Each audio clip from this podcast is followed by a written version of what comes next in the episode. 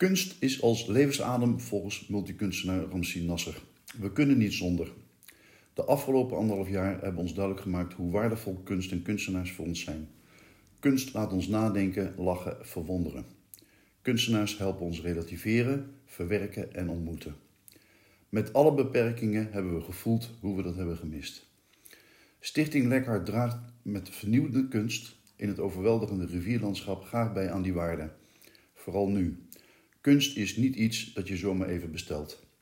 Het is een spannend resultaat van jaren groei, toewijding en steun van mensen die geloven in het mogelijk maken van iets moois. Lekhart steunt sinds 2020 jonge kunstenaars en ontwerpers die recentelijk een van de Nederlandse kunstopleidingen hebben afgerond. Op de inspirerende locatie werk aan Spoel in Culemborg hebben deze jonge professionals de beschikking over een artist in residence ruimte. Wij noemen dat Lekkard Air. Over het Lekkard Atelier voor workshops, lezingen en exposities. En natuurlijk de indrukwekkende buitenruimte van Werk aan Spoel. Stichting Lekkard streeft ernaar om een werk- en ontwikkelplek te bieden dat als springplank kan fungeren voor aanstormende jonge kunstenaars. Met Lekkard ontmoet maak je kennis met die kunstenaars en ontwerpers en krijg je een inkijk in het creatieve proces en maak je verbinding met de betekenis van het artistieke werk. Vandaag maken we kennis met Anne Jansen, eindexamenstudenten aan de Hogeschool voor de Kunst in Utrecht. Zij verblijft in de maand mei in de Artis in Residence ruimte. Welkom Anne. Hallo, dankjewel. Kan je vertellen wie Anne is? Zeker. Um, ik ga inderdaad dit jaar afstuderen aan de HKU bij de afdeling Fashion, uh, fashion Design. En ik hou me niet per se meer bezig met draagbare kleding, maar meer um, met sculpturen, waar dus textiel en draad uh, de hoofdrol speelt. En als je dat zo uitlegt, hè, wat ben je dan aan het onderzoeken? Um, mijn afstudeerproject voelt eigenlijk als een soort van oneindig vormonderzoek. Ik merk dat heel erg mijn intuïtie echt de weg leidt in zo'n ontwerpproces. Dus ik bedenk niet van tevoren, oh, het moet een sculptuur worden, of het moet een wandkleed worden, of het moet een kledingstuk worden. Dat is echt iets wat gaandeweg uh, ja, zijn weg vindt, als het ware. En als je daar zo mee bezig bent, hè, met dat onderzoeken, um, dat is een proces dat je niet van tevoren uh, hebt uh, uitgelijnd, om het maar zo te zeggen. Wat kan je ons vertellen als het gaat om ontdekkingen? Wat ontdek je? Um, ik ben eigenlijk altijd bezig met ambachten, dus oude ambachten zoals uh, spinnen, weven, breien en haken. Um, en dat is ook eigenlijk een manier waarop ik in wezen nadenk. Ik kan niet mezelf forceren om tien schetsen te gaan maken en dat helemaal uit te dokteren. Als mijn handen bezig zijn, dan vogel ik het op die manier uit. Dus dan is het eigenlijk, ik noem het ook wel eens een gesprek met het materiaal. Mm -hmm. Omdat ik dus, um, ik ontdek iets achter een breimachine en op een of andere manier voelt dat goed en ga ik daarmee um, weer verder. Dus het gaat eigenlijk van materiaal proeven, groeit het dan weer steeds, steeds weer verder. Mm -hmm. uh, dus eigenlijk ja, val je van het ene zo weer in het andere. En dan, ja. En je bent aan het maken, hè? en dat betekent ook dat je het kan laten zien aan anderen. Hè? Um, wat, wat hoop je dat mensen zien als ze jouw werk zien? Um, ja, ik vind het wel grappig. Zeg maar, mensen die mij al heel lang kennen, die herkennen het werk altijd als oh, dat is van Anne. Dat vind ik wel heel bijzonder. En mensen die mij niet kennen, die hebben ook zoiets van, oh, het is echt een heel emotioneel werk. Omdat het echt altijd komt vanuit een soort van makersgevoel en een makersdrang. Um, dus dat vind ik altijd wel heel bijzonder, dat mensen dat soort van zo'n grote emotie eraan, uh, eraan koppelen. En zeg je daarmee ook dat je de mensen, als ze ernaar kijken, mogen ze eraan voelen? Ja, altijd. Um, altijd. Is dat, um, laat ik het zo zeggen, is dat eigenlijk al voor jou voldoende dat ze daardoor gepakt worden? Mm -hmm. Ja, ik, ik denk het wel. Ik heb altijd, ik heb, merk ook zeg maar als je het werk tentoonstelt, vragen mensen heel vaak, mag ik het, mag ik het aanraken? En voor mij mag het, mag het altijd, omdat ik vind dat mensen echt dicht bij kunst en dicht bij textiel moeten kunnen blijven staan door, door letterlijke aanraking. Dus, um, Zijn we dat kwijtgeraakt de afgelopen tijd? Dat aanraken? het aanraken denk ik niet per se, want ik heb ook ehm, vorig jaar in mijn derde studiejaar heb ik een serie super vreemde knuffeldieren ontworpen als een soort van drang naar een letterlijke aanraking, echt als reactie op die eerste corona-lockdown. Ehm, dus dat, in dat opzicht zijn we die aanraking, staan we daar wel dichtbij. Maar als je kijkt naar kunst in musea, dan staat er altijd een lintje omheen. En ja, of een, een glasplaat voor een schilderij of zo. Dus ja, het ligt heel erg aan de context in waar het werk staat, denk ik. Ja, ja. Waar die aanraking in zit, ja. ja. En als je het hebt over voor wie maak je het, is dat, eh, heb je dan, dan heb je daar een, een gedachte bij? Is het voor jong? Is het voor oud? Is het voor... Mhm. Ehm, bij het ontwerpen niet per se, omdat het dus zo dicht, zo dicht bij mij staat altijd uh, vanuit het ontwerperschap. Maar ik heb bijvoorbeeld wel gemerkt met die knuffeldieren, mensen hebben die nog steeds. Dus dat vind ik al heel grappig hoe je zeg maar, op lange termijn met zoiets kleins voor eigenlijk voor iedereen, uh, dat mensen dat wel onthouden, zeg maar. Dat vind ik wel heel mooi. Mhm. Maar ja, ik vind het lastig om dus heel specifiek te zeggen voor wie het, voor wie het dan is, zeg maar. Ja, ja. Dus dat is, ja. Je bent um, gespot hè, door Lekkard. Ja. En uh, samen met een aantal andere ja, zeg maar, medestudenten die in het eindexamenjaar zitten. Waarom vind je het zo belangrijk dat je hier nu bent en dat je er gebruik van kan maken? Wat doet dat met je? Uh, ja, wij zijn inderdaad een clubje van vier, uh, vier jonge kunstenaars, ontwerpers.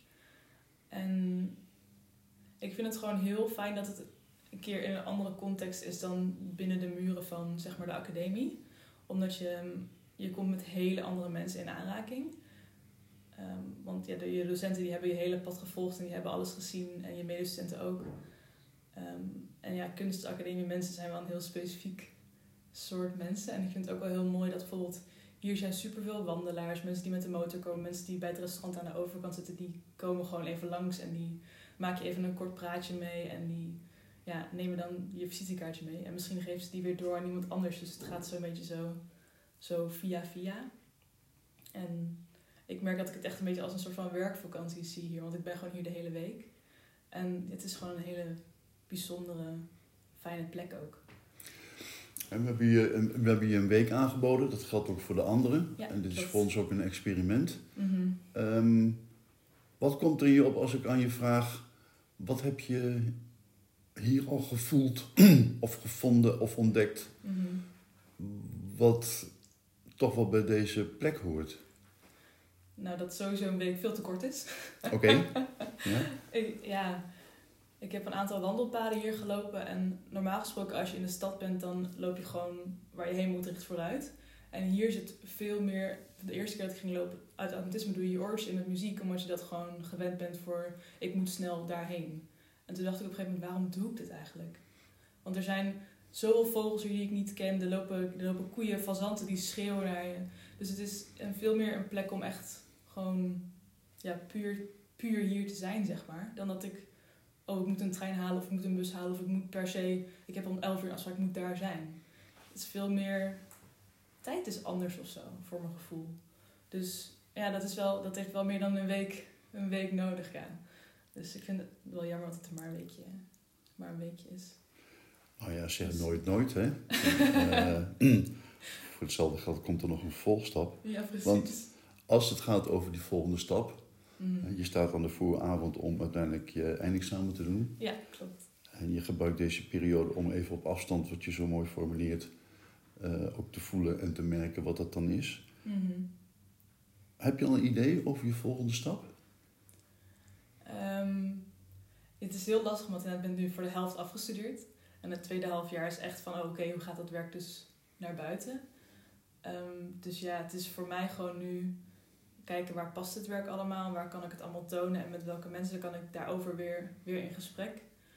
Dus ehm, ja, echt een soort van zoektocht zo. Ik heb nog niet in per se een idee van, oh, ik begin straks een, een eigen studio of ik ga een collectief starten of iets in die trant. Het is meer gewoon dat nu zeg maar, dit werk zie ik echt als een startpunt. En met dat werk ga ik gewoon kijken waar, waar past dat. Kan het in een, ehm, in een galerie of kan het bijvoorbeeld in een openbare biep of kan het in, op die manier ga ik denk ik even kijken hoe, hoe en waar het past en met welke mensen ik dan ook weer in gesprek kan gaan. Heb je een droom? Een droom. Ehm, De ultieme droom? Waar zie, je, waar zie je jezelf bewegen over vijf jaar? over vijf jaar. Als je mag fantaseren.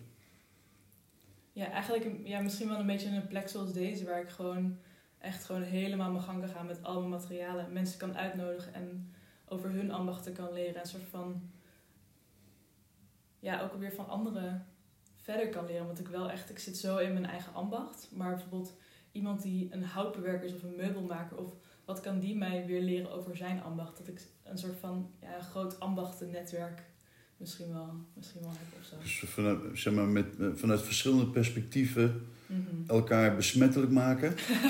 eh, en, Ja. en, en over elkaar heen buitelen eh, om, om echt te blijven onderzoeken. En, Ja, ja. En, en te brengen. Is dat wat, eh, wat je voor ogen hebt? Ja, want ik heb wel heel erg gemerkt dat zeg maar, het werk wat ik nu heb gemaakt, dat is echt zeg maar, puur van mij. En dat is echt een ontdekkingstocht gewoon helemaal voor mezelf geweest. Maar ik heb ook wel gemerkt dat ehm, de waarde van, het, van zo'n werk zit in samen zijn met andere mensen en samenwerken aan een groot collectief werk.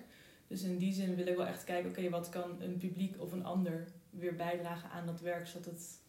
eh, ik vind het idee van een werk laten groeien door toevoegingen van andere mensen, vind ik heel interessant. Omdat dit is een handschrift van mij, maar iedereen doet het anders. Als je iedereen een weefnaald geeft, dan de ene gaat heel netjes een recht stukje weven en de ander die denkt, oh ik ga gewoon daar verder of ik steek mijn naald helemaal daar of ik ga rigoureus door het werk van iemand anders heen weven. Dus dat is gewoon heel interessant om te zien wat andere mensen doen met zo'n werk. Als ik het, als ik het goed begrijp, als ik het beluister, ehm, zoek je steeds de dialoog op. Mhm. Dat is wat je wil. Ja.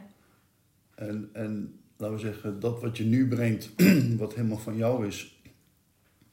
En waar uiteindelijk ook een dialoog gaat ontstaan met mensen die er nog nooit naar hebben gekeken. Mhm. Maar je zoekt het ook op zeg maar, in collega-makers om Mhm. daar nog weer een extra dimensie aan te geven. Extra Ja. lagen aan te geven. Ja, ik denk het wel. Omdat ik wel heel erg gemerkt dat zeg maar, als je heel persoonlijk werk maakt, dan ehm, kunnen mensen er af en toe wel moeilijk bij of zo. Ehm, dus ik vind het ook wel fijn en belangrijk om anderen ook bij zo'n werk te betrekken. Van oké, wat kan ik dan wel weer van jou leren? Dat ik niet zeg maar echt volledig mezelf opsluit in mijn bubbel en denk van oké, ik ga gewoon de rest van mijn leven gewoon alleen maar breien en weven. Maar ja, hoe kan mijn buurman weven als het ware? Is dat ook het kenmerk zeg maar, van de jonge makers? Hè, dat die niet in een Mhm. atelier zitten met gesloten deuren, hè, Mhm. wat, we, wat we voorheen altijd kenden. Ja. Is, dat, is, de, is het atelier gewoon de open plek? Ja, ik denk het wel. Want ik merk ook wel eh, op de opleiding bij HKU dat je zoekt elkaar gewoon veel meer op. Ehm, de, de werkplekken zijn letterlijk glazen wanden. Dus iedereen loopt gewoon binnen bij elkaar. Ehm, en spreekt elkaar ook veel vaker. En je hebt nu ook allemaal gedeelde werkplekken. Wat mensen zeggen van oké, ehm, een vriendin van mij is een filmmaker. En die zoekt bijvoorbeeld, oké, ik wil een ehm bewijs van een fotograaf, een illustrator, een grafisch vormgever. En we delen gewoon samen een atelier. Ehm, ook soms puur uit noodzaak, want ik kan het gewoon zelf niet betalen. Maar ja, zo vind je wel weer andere mensen die dus die ruimte met jou delen. Ja. En kom je in mijn ogen, denk ik, weer veel verder. Ja. Want die fotograaf kent misschien iemand die een filmmaker nodig heeft. Of die kent een, een meubelmaker of een etalageinrichter. Of, dus ja, ik denk dat het wel echt iets is van nu ook, ja. Zeker. En dus de, je hebt het over collectieven, Mhm. hè, en daarin werken. Maar, Ja. ik, maar ik merk ook een vorm van hybriditeit. Hè, Mhm. zodat het niet voor eeuwig vaststaat, het collectief. Maar dat Mhm. je steeds weer met elkaar wisselt Ja. en, en, en, en blijft zoeken en blijft maken.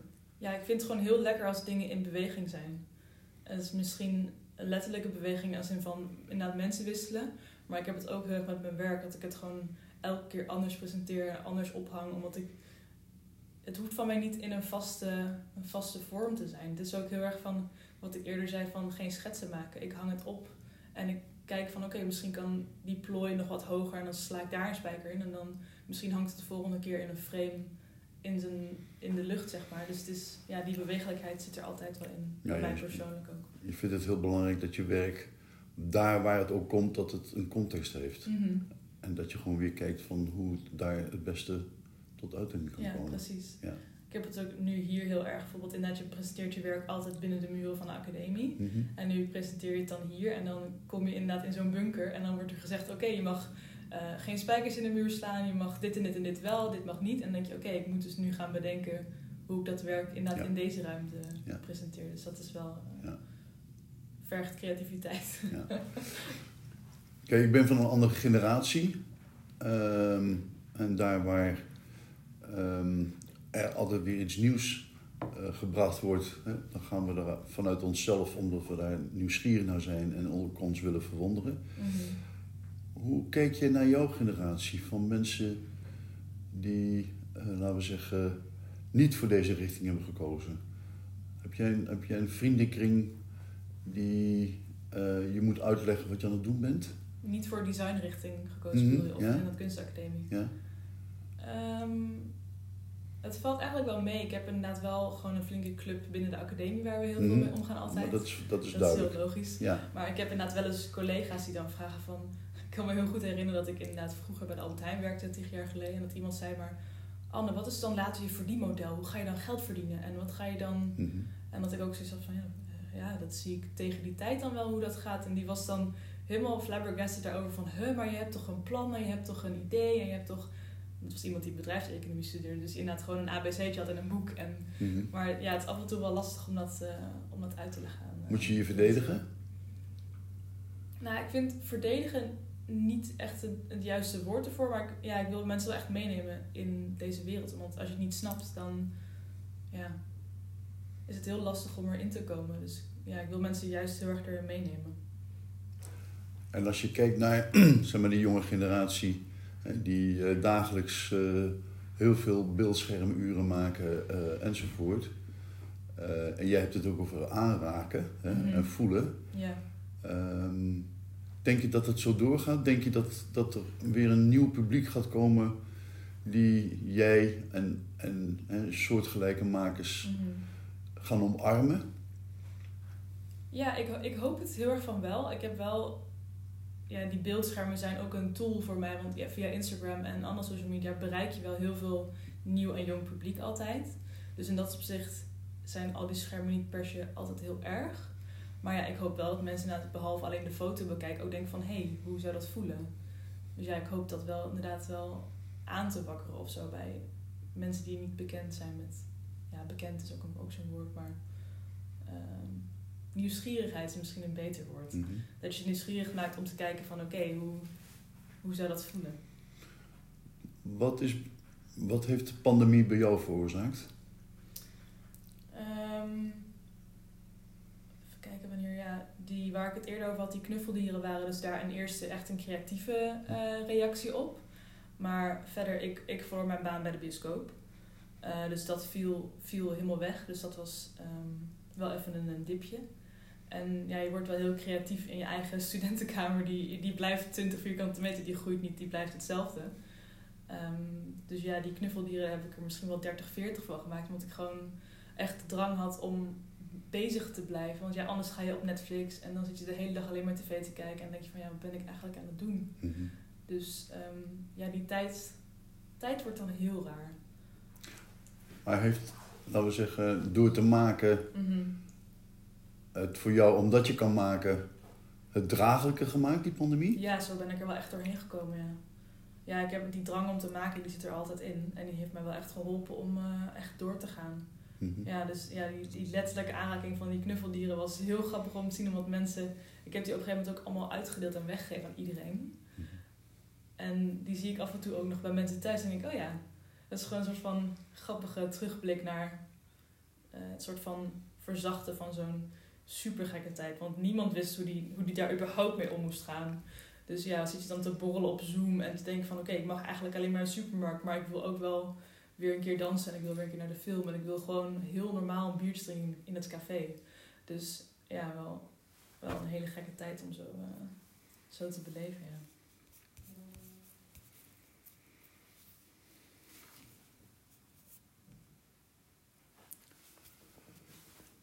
De zon schijnt.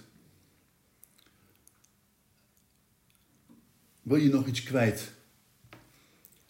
Waarvan je nu denkt, god, dat wil ik nog wel even de luisteraars vertellen. Ja. Ehm, ja, doe gewoon wat vaker je oortjes uit. Loop gewoon even lekker. En heb echt veel meer aandacht voor je omgeving. Dus niet puur aandacht alleen voor de letterlijke omgeving om je heen, maar de mensen om je heen, de materialen om je heen. Uh, voel eens wat vaker dingen, weet je wel, je blote voet in het gras. Ik zit hier elke dag in de zon, gewoon met mijn kopje koffie. En dat is gewoon, ja, de, de stad. En dit is gewoon 20 minuten van Utrecht, Culemborg. Het is gewoon 20 minuten. Het is gewoon zo dichtbij en je vergeet het gewoon. Dus ja, gewoon wat vaker je ogen open doen. Dank je voor dit mooie gesprek.